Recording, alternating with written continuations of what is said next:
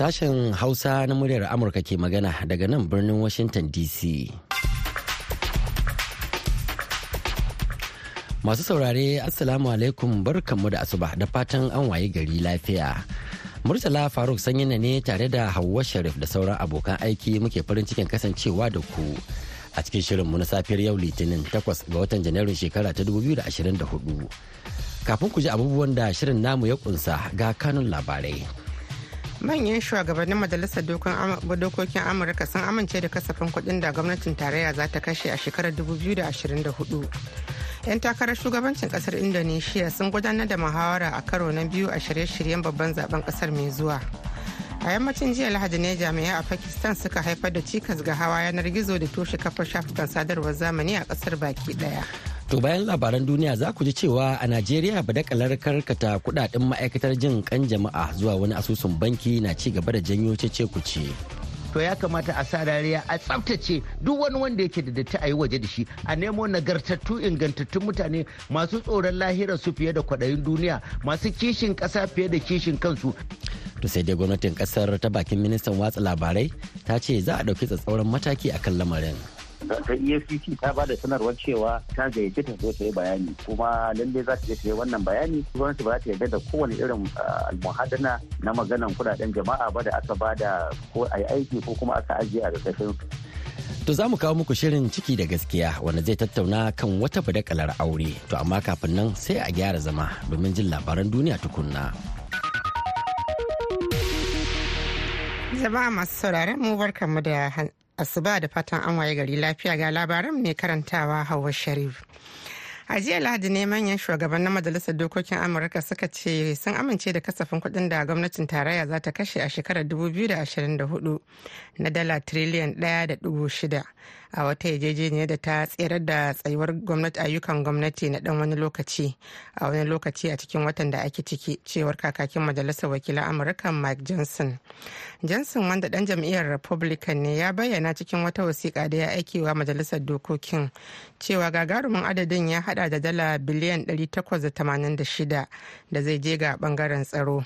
Sai dala biliyan 704 na ayyukan da ba su shafi tsaro ba. Tun a watan jiya ne dai kudurin kasafin kuɗin na tsaro ya samu rattaba hannun shugaba joe biden inda kudirin ya zama doka bayan kare kudirin na yadda za a kashe kuɗaɗen akan tsaro. Wata sanarwar haɗin gwiwa da shugaban masu rinjaye a majalisar dokoki dan majalis dan jam'iyyar democrat shark suma da shugaban jam'iyyar democrat a majalisar wakilai hakim jeffries suka fitar. Ta ce kuɗaɗen da za a kashe na ɓangarorin da ba su shafi tsaron ba za su kula ne da mahimman bangarori kamar na hakkokin tsofaffin ma'aikata da suka manyanta sai sha'anin kiwon lafiya da tallafi akan abinci mai gina jiki daga kuɗaɗen da 'yan majalisar republican suka nemi a daddatse. A jiya lahadi ne 'yan takarar shugabancin ƙasar indonesia suka gudanar da muhawara a karo na biyu kan batutuwan da suka shafi tsaro siyasar shiyoyi da diplomasiyya 'yan takarar da ke burin darewa kujerar shugabancin ƙasar da tafi kowace kasa yawan tsibiran yankunan ruwa a duniya a zaɓen da za a fafata a ranar 14 ga watan fabrairu. Sun hada da ministan tsaro prabowo subianto da tsohon gwamnan tsakiyar java ganja pranowo sai tsohon gwamnan jakarta enes beswanden.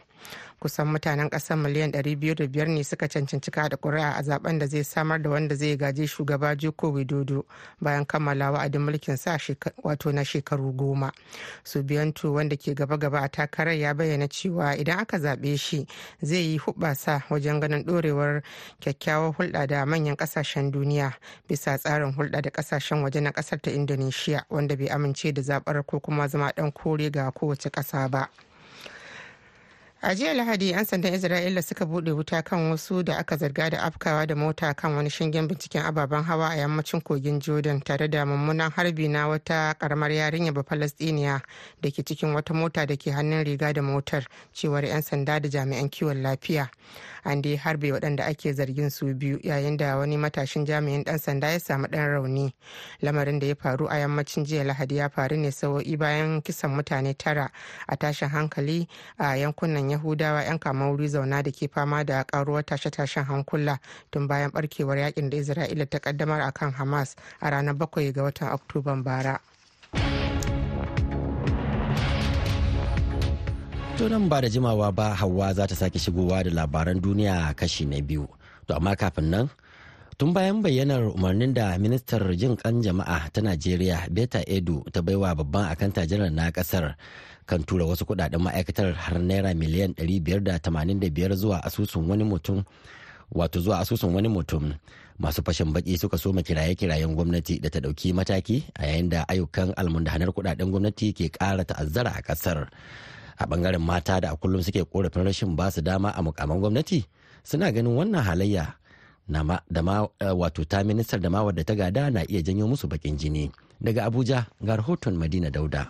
Wasu ƙungiyoyi masu rajin kare haƙƙin 'yan ƙasa irin su Huriwa a ƙarƙashin shugabancin Emmanuel Onwubiko da Nafgad a ƙarƙashin Akingunola Omoniyi suna ta sato kasa katsi kan cewa ya kamata a sallami duk waɗanda wannan batu na cire kuɗi daga asusun ma'aikatar kula da agaji da walwalar jama'a da ministar ma'aikatar Beta Edu ta ba da umarnin a yi sannan shugaba Tinubu ya hanzarta tuɓa matan daga mukamansu. Wannan yasa mata suka tofa albarkacin bakinsu suna cewa sunana hajiya sarta sa'a musa dg mata zalla ta northwest. Game da maganganun da ake ta yi na ba mata mukamai ana ta samun matsaloli a gwamnatance. Duk inda aka ce dan siyasa wanda ya san ciwon al'umma ya san damuwar al'umma. To babban kalubalen da ake samu shine matan da ake ba mukaman ake zargin su kullum a ce mata kaza. Matan nan a tsaurara bincike ba mu hana a yi bincike ba amma wani abin da ake ta zargi gaskiya ba haka yake ba. Kawai dan rashin yawan mu ne shi yasa kowa ya maido hankalin shi akan mu. Ita ma yar gwagwarmayar ganin an ba wa mata yanci hajiya mariya ibrahim baba ta yi tsokaci cewa to ni dai gaskiya fi sabilillahi kai mutum wurin shari'a in an zarge shi ko an zarge ta da cin kuɗin gwamnati in dai ba za a kai gaban shari'a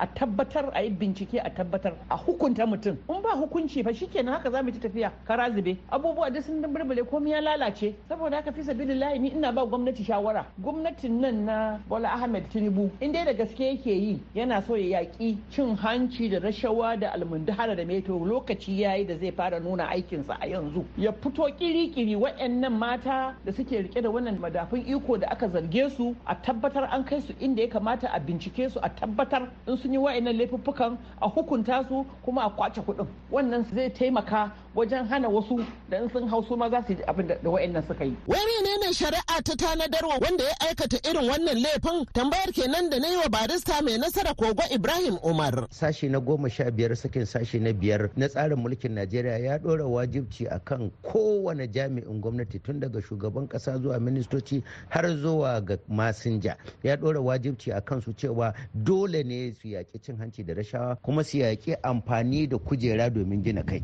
na biyu kuma tsarin mulkin najeriya sashe na 21 da 23 da 24 sun ɗora wajibci na ƙoƙarin gina ɗa'a ta riƙe gaskiya da riƙon amana duk irin waɗannan abubuwa idan shugaba bola tinubu da gaske yake yi to ya kamata a sa rariya a tsaftace duk wani wanda yake da datti a yi waje da shi a nemo nagartattu ingantattun mutane masu tsoron lahirar su fiye da kwaɗayin duniya masu kishin ƙasa fiye da kishin kansu a nemo irin waɗannan muzakkarin mutanen a ba su ƙasar nan. To sai dai mai magana da yawon ofishin akanta janar na ƙasa. Bawa makwa ya ce akanta bata bi umarnin biyan kuɗaɗen a wani asusu na daban ba. Lokacin da akanta janar ta karɓi wasiƙa daga wajen minista na humanitarian affairs dr. Beta edu tana umarninta ta biya wannan kuɗin zuwa wayansu account. Sai ta gaya mata cewa ƙa'idan wannan kuɗin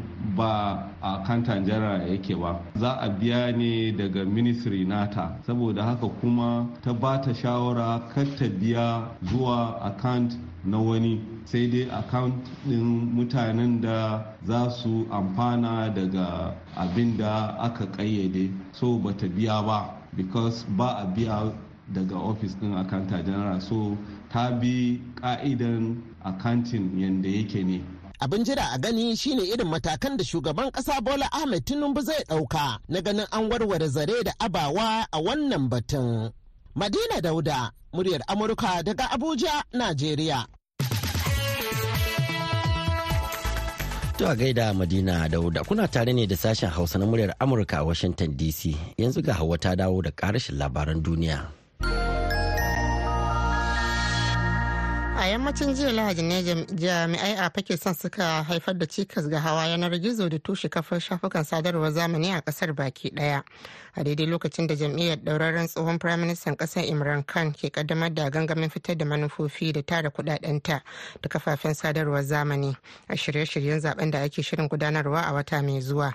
An shirya gudanar da babban gangamin a ƙasa baki ɗaya da niyyar tsallake shingen da gwamnati ta gitta na ganin ta dakila taron jam'iyyar ta tahrik al-insaf ko pti wata kuri'ar jin ra'ayin jama'a da aka kada ta nuna cewa jam'iyyar ita ce mafi ƙarfi a fagen siyasar ƙasar yayin da tsohon firaministan ƙasar imran khan ya kasance mafi farin jini net blogs mai zaman kanta da ke sa ido da kuma ci gaban hakokin kafofin sadarwar zamani da tsaronsu da ma yadda ake gudanar da su da jami'an pti sun tabbatar da tsaikon a tashin farko da ma lokacin da ake gudanar da taron gangamin akan shafukan yanar gizo.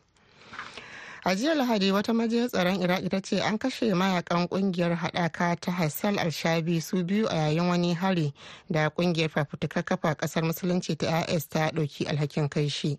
Sanarwar da ƙungiyar ta hasha ta fitar wadda kafar yada labaran ƙasar ta iraki ta yada ta bayyana cewa mayaƙan biyu sun kwanta dama ne bayan raunuka da suka samu sakamakon mai da martani ga harin ɓangaren mayaƙan jihadi na is a yammacin asabar a yankin salahuddin da ke arewacin bagdad Chad.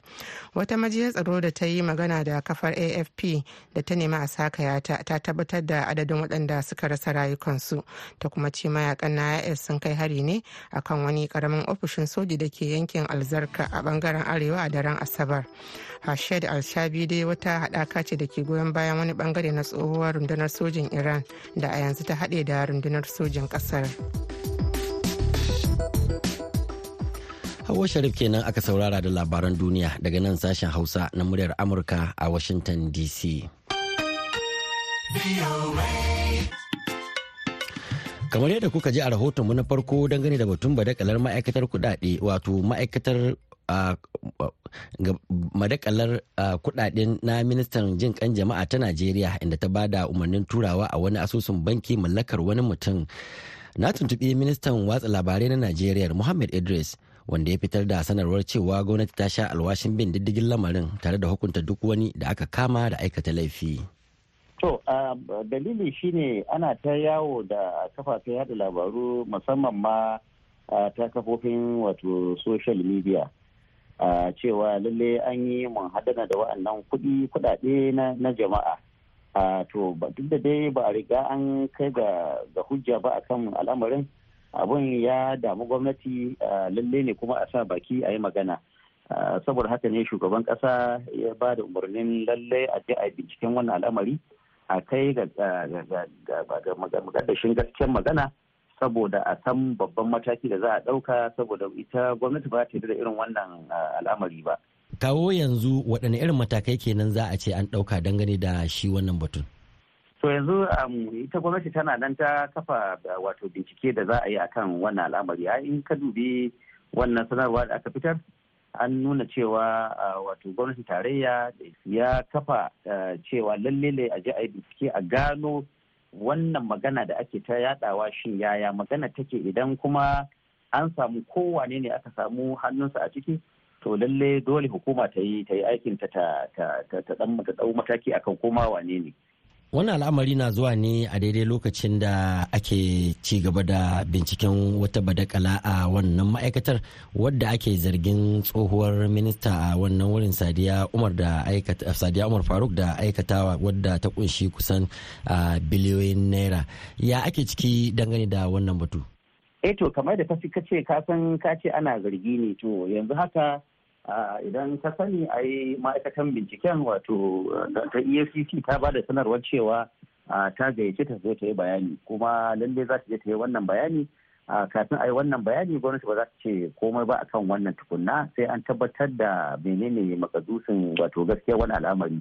Amma dai abin da gwamnati ke son ta nuna shine ita gwamnati ba za ta yarda da kowane irin almuhadana na maganan kuɗaɗen jama'a ba da aka ba da ko a yi aiki ko kuma aka ajiye a ƙarƙashin su wato mutane 'yan najeriya da dama suna ganin cewa kamar har yanzu hukumomi ba su nuna kamar da gaske suke a yaƙi da cin hanci da rashawa ba a la'akari da irin zarge-zarge har na fita hankali da ake samu. Na baya-bayan nan shine gwamnan babban bankin najeriya wanda aka ce kwamitin bincike ya gabatar da rahoton bincikensa wanda ya nuna cewa ya zabtare ko kuma ya yi almunda ko kuma ya buɗe wasu asusun ɗaruruwan asusun ajiya na banki waɗanda ba bisa ka'ida ba da dai sauransu waɗanda kuma suka ƙunshi makudan kuɗaɗe. Shin menene gwamnati take yi don ganin cewa wataƙila ta musanta waɗannan zarge-zargen na cewa wannan ana yi ne kawai dai kamar yadda aka yi tun sannan ba ka koma jin komai ba me ake ciki ba a zuwa ana yi wa 'yan najeriya bayani? Eh to ka san shi wato malam murtala irin wannan bincike yana da wuyar sha'ani ƙwarai da gaske. Kuma ya kamata ne a tsaya a yi bincike saboda kada a shiga haƙƙin kowa. Gaskiya ne an yi zargin shi wannan babban wato gwamnan babban bankin najeriya kuma har an tsare shi idan ka tuna ya dan a hannun hukuma kuma sun tatsi manganu da bayanai da yawa daga hannunsa. To dole ne a je a tace wannan magana a tabbatar da wannan magana ga gaske ta sannan in haka ne kuma a gabatar da shi a gaban kotu.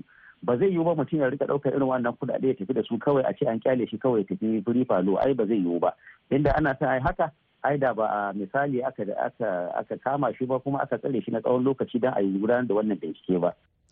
Muhammad Idris kenan ministan watsa labarai na Najeriya. Za mu kawo muku ci gaban wannan tattaunawar a shirinmu na hantsi.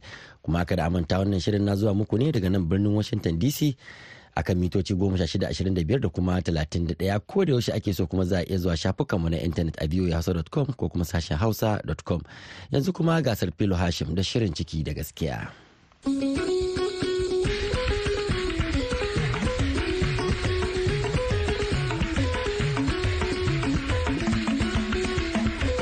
jama'a salamu alaikum. Masu raro barkanmu da shirin ciki da gaskiyar har kullum kan bukarin take haƙƙin ɗan adam. A yau shirin zai duba dambarwa aure tsakanin wasu ma'aurata ku biyo mu cikin shirin. Sunana sarfil hashin gumel.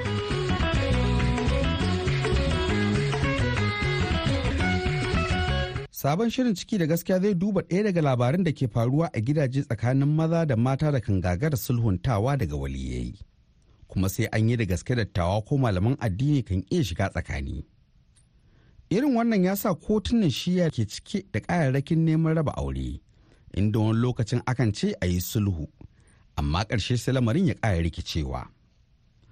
Wata mata mai suna hadiza lawan da ke aure a kifi jihar nasarawa ta tunkari wannan shiri don buƙatar gudanar da bincike da zai kai ga raba ta da mijinta don ta ce tana da yaƙinin ba alheri a zaman. Hadiza ta ce auren dangi aka yi mata da mijinta duk da dama ta taɓa aure gabanin nan. Amma sai ya zama akwai cin zarafi da ya kai ga mutuwa auren.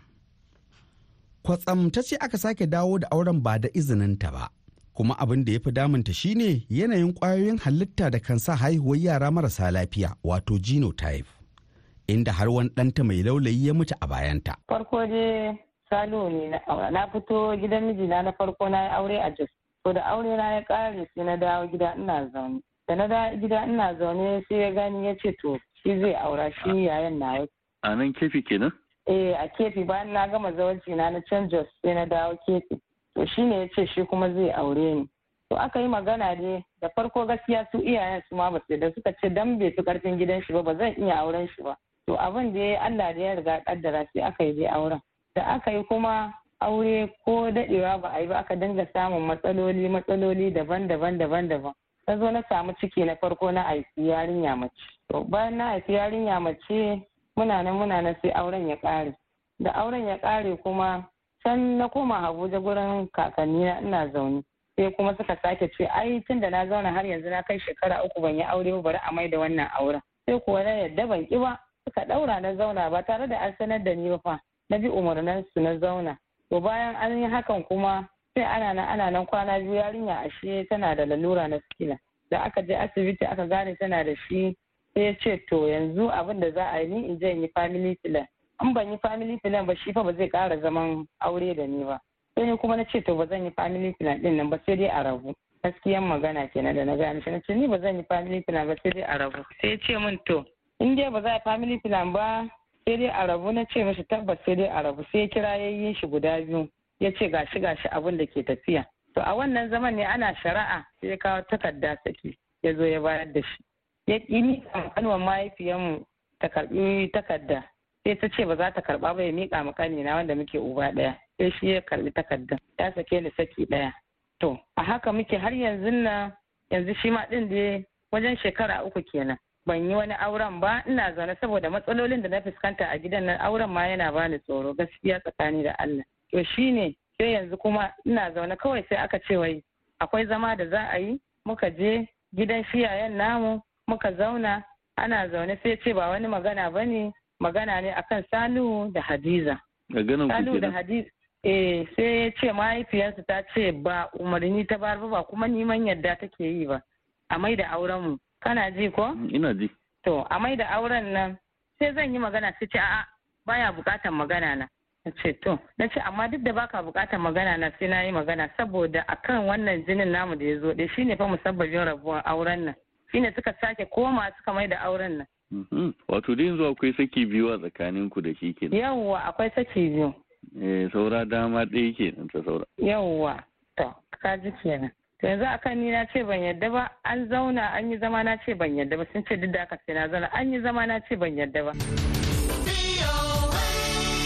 Mijin Hadiza mai suna Salihu wanda direba ne a jami'ar Nasarawa na da wasu matan biyu baya ga Hadiza. kuma ya ce zai iya amincewa ya rabu da ita. Amma matsalar mahaifiyarsa ce ta ce ko naman jikinsa Hadiza ke ci su ci gaba da zama haka nan.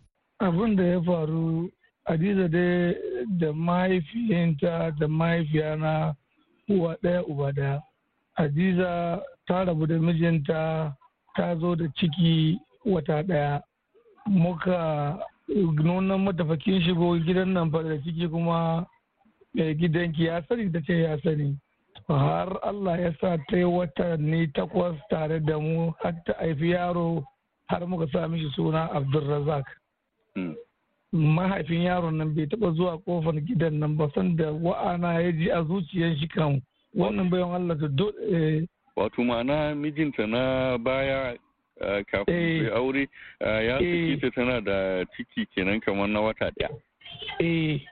to muka shigo dai cikin alamar ya ce to tun da Allah ya sa mana ta wahala da wa'yansu mu je ki je wajen wannan mai gida naki ki kai mishi yaro. Aka ce a'a ai je neme ta juna ya tun da zai ga ɗan taron shawurin ta. Wa'ana ya nemi duk inda zai gan shi ya je har wajen uwan shi a Jos sai ya ce shi ya san da ciki. Kuma wa'ana ya sa ma yaro suna kawai aka sa ma yaro suna yanzu yaro yana da shekara wajen goma sha biyar kenan Wato abun ne ya faru yanzu shekara goma sha biyar. Ina gaya maka kenan. So sai sai wa'ana ya ce min to tun da gashi ni na ce ina son ta to me zai hana tun da muna son juna ba za mu aka yi aure muka samu juna biyu da ita aka sanya mayaniya amina. To na ta nemi izini na za ta tafi ƙauye gaisuwa a basa sai na mata izini na bata kuɗin mota. sai zazzaɓi ya zo mayaniyar mai zafi sai na ɗauka na kai university na asibitin university. Da na kai asibitin university sai aka kwantar da yaniya sai aka ce ai yaniyar sickle cell ne. Sickle cell ne? Ce to. Sai na zo sai na ɗauki rago na wanda aka taya 90,000 sai na sayar ma 70,000 na treatment din yaniya sai na buga mata waya na ce to fa yaniya ba ta samu lalura ba muna asibiti. Ta zo sai su iyayen su likitoci suka ce min suna son ganinta sun buƙaci ganinta. Na ce to suna fa son ganinki. Ta zo sai ta gaishe mu a asibiti muna tare da uwar gidanta. Sai na ce mata to sun ce farso su yi da ke akan laluran da ya sami na makar an sun ce kar a fara sa jini ba tunda ga laluran da ya taso. Sai suka tambaye ni me jonathan? Ina sai na ce musa muna asibiti kuma ai maganan tambayi jonathan bai taso ba sai dai ku sake test. Ya gwada yawa saboda ku tabbatar da abin da ke faruwa. Sai da san ba za ta yi test ba. Sai na nuna mata bacin rai na ce mata yanzu kin fi son mu ta wahala ne akan abin da Allah ya hore mana nan? Ana nema abin da za mu ci mu sake cigaba da wahalan asibiti? Ce ita sam in dai maganan wani test ne ita ba ta yi ba. Da aihuwa yanzu ta sa hannu na ce to shikenan bismillah. Muka sake samun ɗa namiji aka sami shi suna yakubu. Zazzabin shi taso mun kama hanya zuwa asibiti mun ga likita mun zo na son sayan magani. A bayan ta a yaron allah ya mishi rasuwa. Hadiza ta yi yunkurin kwashe kayanta daga gidan salihu amma ya tare ƙofa ya hana. Inda limamin da ya kulla tare da sake ɗaura auren malam abubakar sa'id ke cewa in lamarin ya ta'azzara sai dai a tafi kotu ko manyan malamai su yanke hukunci. Lokacin da shi suka rabu da matan shi rabuwa na farko mun zo ɗaura aure a masallacinmu yayansa malam Muhammad Bello ya kawo mini magana akan cewa za a ɗaura auren 'yansa tare da ɗaura auren ƙaninsa. A lokacin ne aka mayar da wannan auren da ya rabu tsakanin shi da wancan matan a wannan lokacin da muka ɗaura aure to wanda na san cewa an dawo da auren bayan ƙarin aure na san wannan. wannan ya nuna kamar sau nawa wato wannan shine auren ƙarshe da aka yi kenan wanda ake wannan jariyar. eh to malam nasir abin da sani ba ni abin da kawai na sani shine da shi malam bello ya zo muka zo maganar ɗaura auren yan rasa ya ce ɗaura auren guda biyu ne da kuma na ƙanesa shine malam salu zai mayar da matarsa da suka taɓa rabuwa a baya. Muka ce alhamdulillah. Aka mayar da auren nan a lokacin ta abin da na sani kenan. Amma rabuwan sau nawa aka yi ya aka yi wallahu alam ban san wannan ba. Ita matar hadiza na cewa wannan auren da aka ɗaura matsayinta na ta zama bazawara kenan misali. Kamar ba ta goyi bayan wannan auren ba. Shin tana da wani yanci a shari'ance da za ta iya ɗaukar mataki ta ce ba ta yadda a sake mai da aurenta ba? A kan lokacin da aka mai da auren an mayar da auren ne ba tare da izinin ta ko yardanta ba? Eh. Abinda ta faɗa abin da ake tunani kenan ko abin da ta faɗi kenan? Abinda ta faɗa kenan. Eh to kaga duka wannan kuma tunda tana da waliyai su wali ai lokacin da za a ɗaura auren ai ba an ɗaura auren ne ba waliyanta ba. Waliyanta ne suka ba da aurenta. Kuma sun gaya mana cewa da yaddanta da komai sai da muka tambaye su sharuɗa da komai na ingancin auren da suka tabbatar da komai sa naka ɗaura wannan aure. Kaga waliyanta tunda sun tabbatar da cewa da yaddanta da da komai kaga mu dole akan akan waliyai muka sani. Ai ba ruwan mu da in an zo ɗaura aure a ce a kira mata ke kin yadda a kira bazaura ke kin yadda. Wurin ɗaura aure ba malamai ba su ruwan da wannan da kuma shugabanni. Waliyi shi ne tabbatar da haka kuma waliyi ya tabbatar da haka. Kaga shi kenan abin da muka dogara da shi kenan maganan waliyin aure. Shi aka sani ai. Tun da ce waliyi shi ne zai yi magana ko akan magana wanda zai aurar da ita. Ba ita ba ai mu ba mu da ita. Shi waliyi muka sani. Walal lafiya.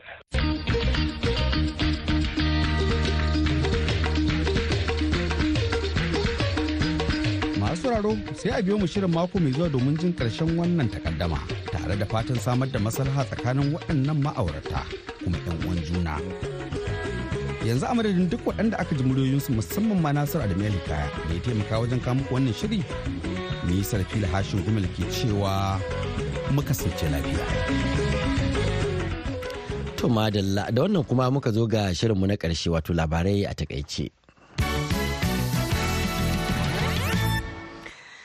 A jiya lahadi manyan shugabannin majalisar dokokin amurka suka amince da kasafin kuɗin da gwamnatin tarayya za ta kashe a shekarar 2024 na dala triliyan 1.6 a wata yarjejeniyar da ta tserar da tsayuwar ayyukan gwamnati na dan wani lokaci a wani lokaci a cikin watan da muke ciki cewar kakakin majalisar wakilan amurka mike johnson.